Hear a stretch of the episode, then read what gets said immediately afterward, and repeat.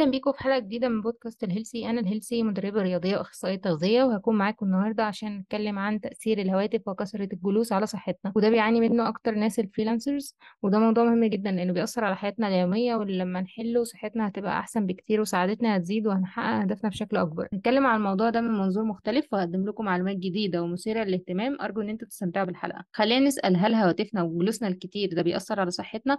هو أكيد أيوه بيأثر في جوانب كتير جدا وبيعمل مشاكل a أولها إنه بيأثر على مستويات الهرمونات في الجسم زي هرمون الليبتين اللي بينظم الشهية وهرمون الكورتيزول اللي بيسبب التوتر. كمان بيسبب قلة النوم خلينا ننام فترة أقل. إزاي بيخلينا ننام فترة أقل؟ أول حاجة الضوء الأزرق اللي بيطلع من الشاشات الموبايلات دي أو الشاشات عامة ده نوع من الضوء بيأثر على مستويات الميلاتونين اللي هو أصلا هرمون بينظم النوم. فلما بتتعرض لأشعة الضوء الأزرق قبل النوم ممكن تمنع إنتاج الميلاتونين أصلا فبالتالي هيؤدي لصعوبة النوم. كمان حاجة بتخلي الموبايلات أو الشاشات بتقلل النوم هي إنك بتفضل تقلب فيها ساعة أو ساعتين قبل ما تنام من غير ما تحس بالوقت وده هيعمل لك اضطرابات في النوم غير التوتر اللي بيجي لما بتقرأ أو بتشوف حاجة سلبية. كمان إنك بتفضل ماسك الموبايل أو قاعد على الشاشات لفترة طويلة ده بيسبب السمنة بسبب كثرة الجلوس اللي بتأثر على العضلات وبتضعفها. كمان من مسببات السمنة مش بس قعدتك على الموبايل وإن أنت قاعد ما بتتحركش لأ هو أنت قعدتك على الموبايل مضرة من ناحية إن أنت بتتفرج في معظم الوقت على إعلانات أكل والأكل ده بيخليك تجوع فغالبا بتطلب fast food بعدها. كمان العكس ممكن يحصل ممكن تنسى تاكل فترة طويلة جدا فلما هتخلص وهتيجي تقوم تاكل هتاكل كمية كبيرة بشراهة. ده غير إن معظم الناس بقت بتاكل وهي ماسكة الموبايل أو باصه في الشاشات عموما. وكل دي مسببات للسمنة واللي ممكن تؤدي لأمراض مزمنة لو ما أخدناش بالنا من الكلام ده. كمان الشاشات أو الموبايلات بتأثر على النفسية.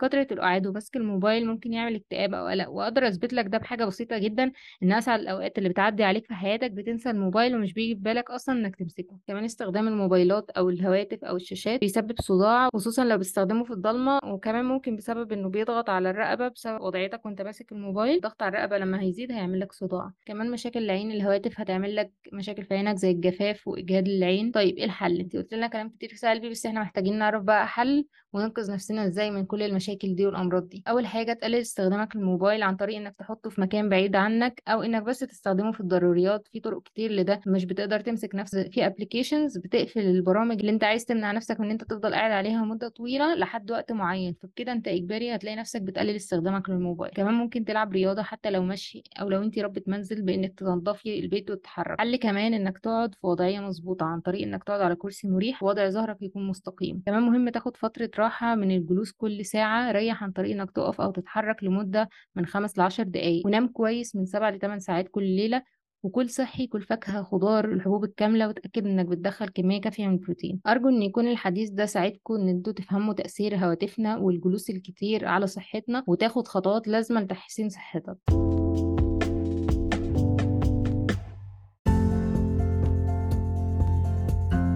شكرا ليكم على متابعة الحلقة من بودكاست ال healthy. أرجو إن أنتوا تكونوا استمتعتوا بالكلام وإن تكونوا اتعلمتوا حاجة جديدة. وعايزة أفكركم إن صحتكم هي أهم حاجة في حياتكم. خدوا خطوات لتحسين صحتكم وعيشوا حياة طويلة وصحية. شكرا ليكم مرة كمان. وإلى اللقاء في حلقة أخرى من بودكاست ال healthy.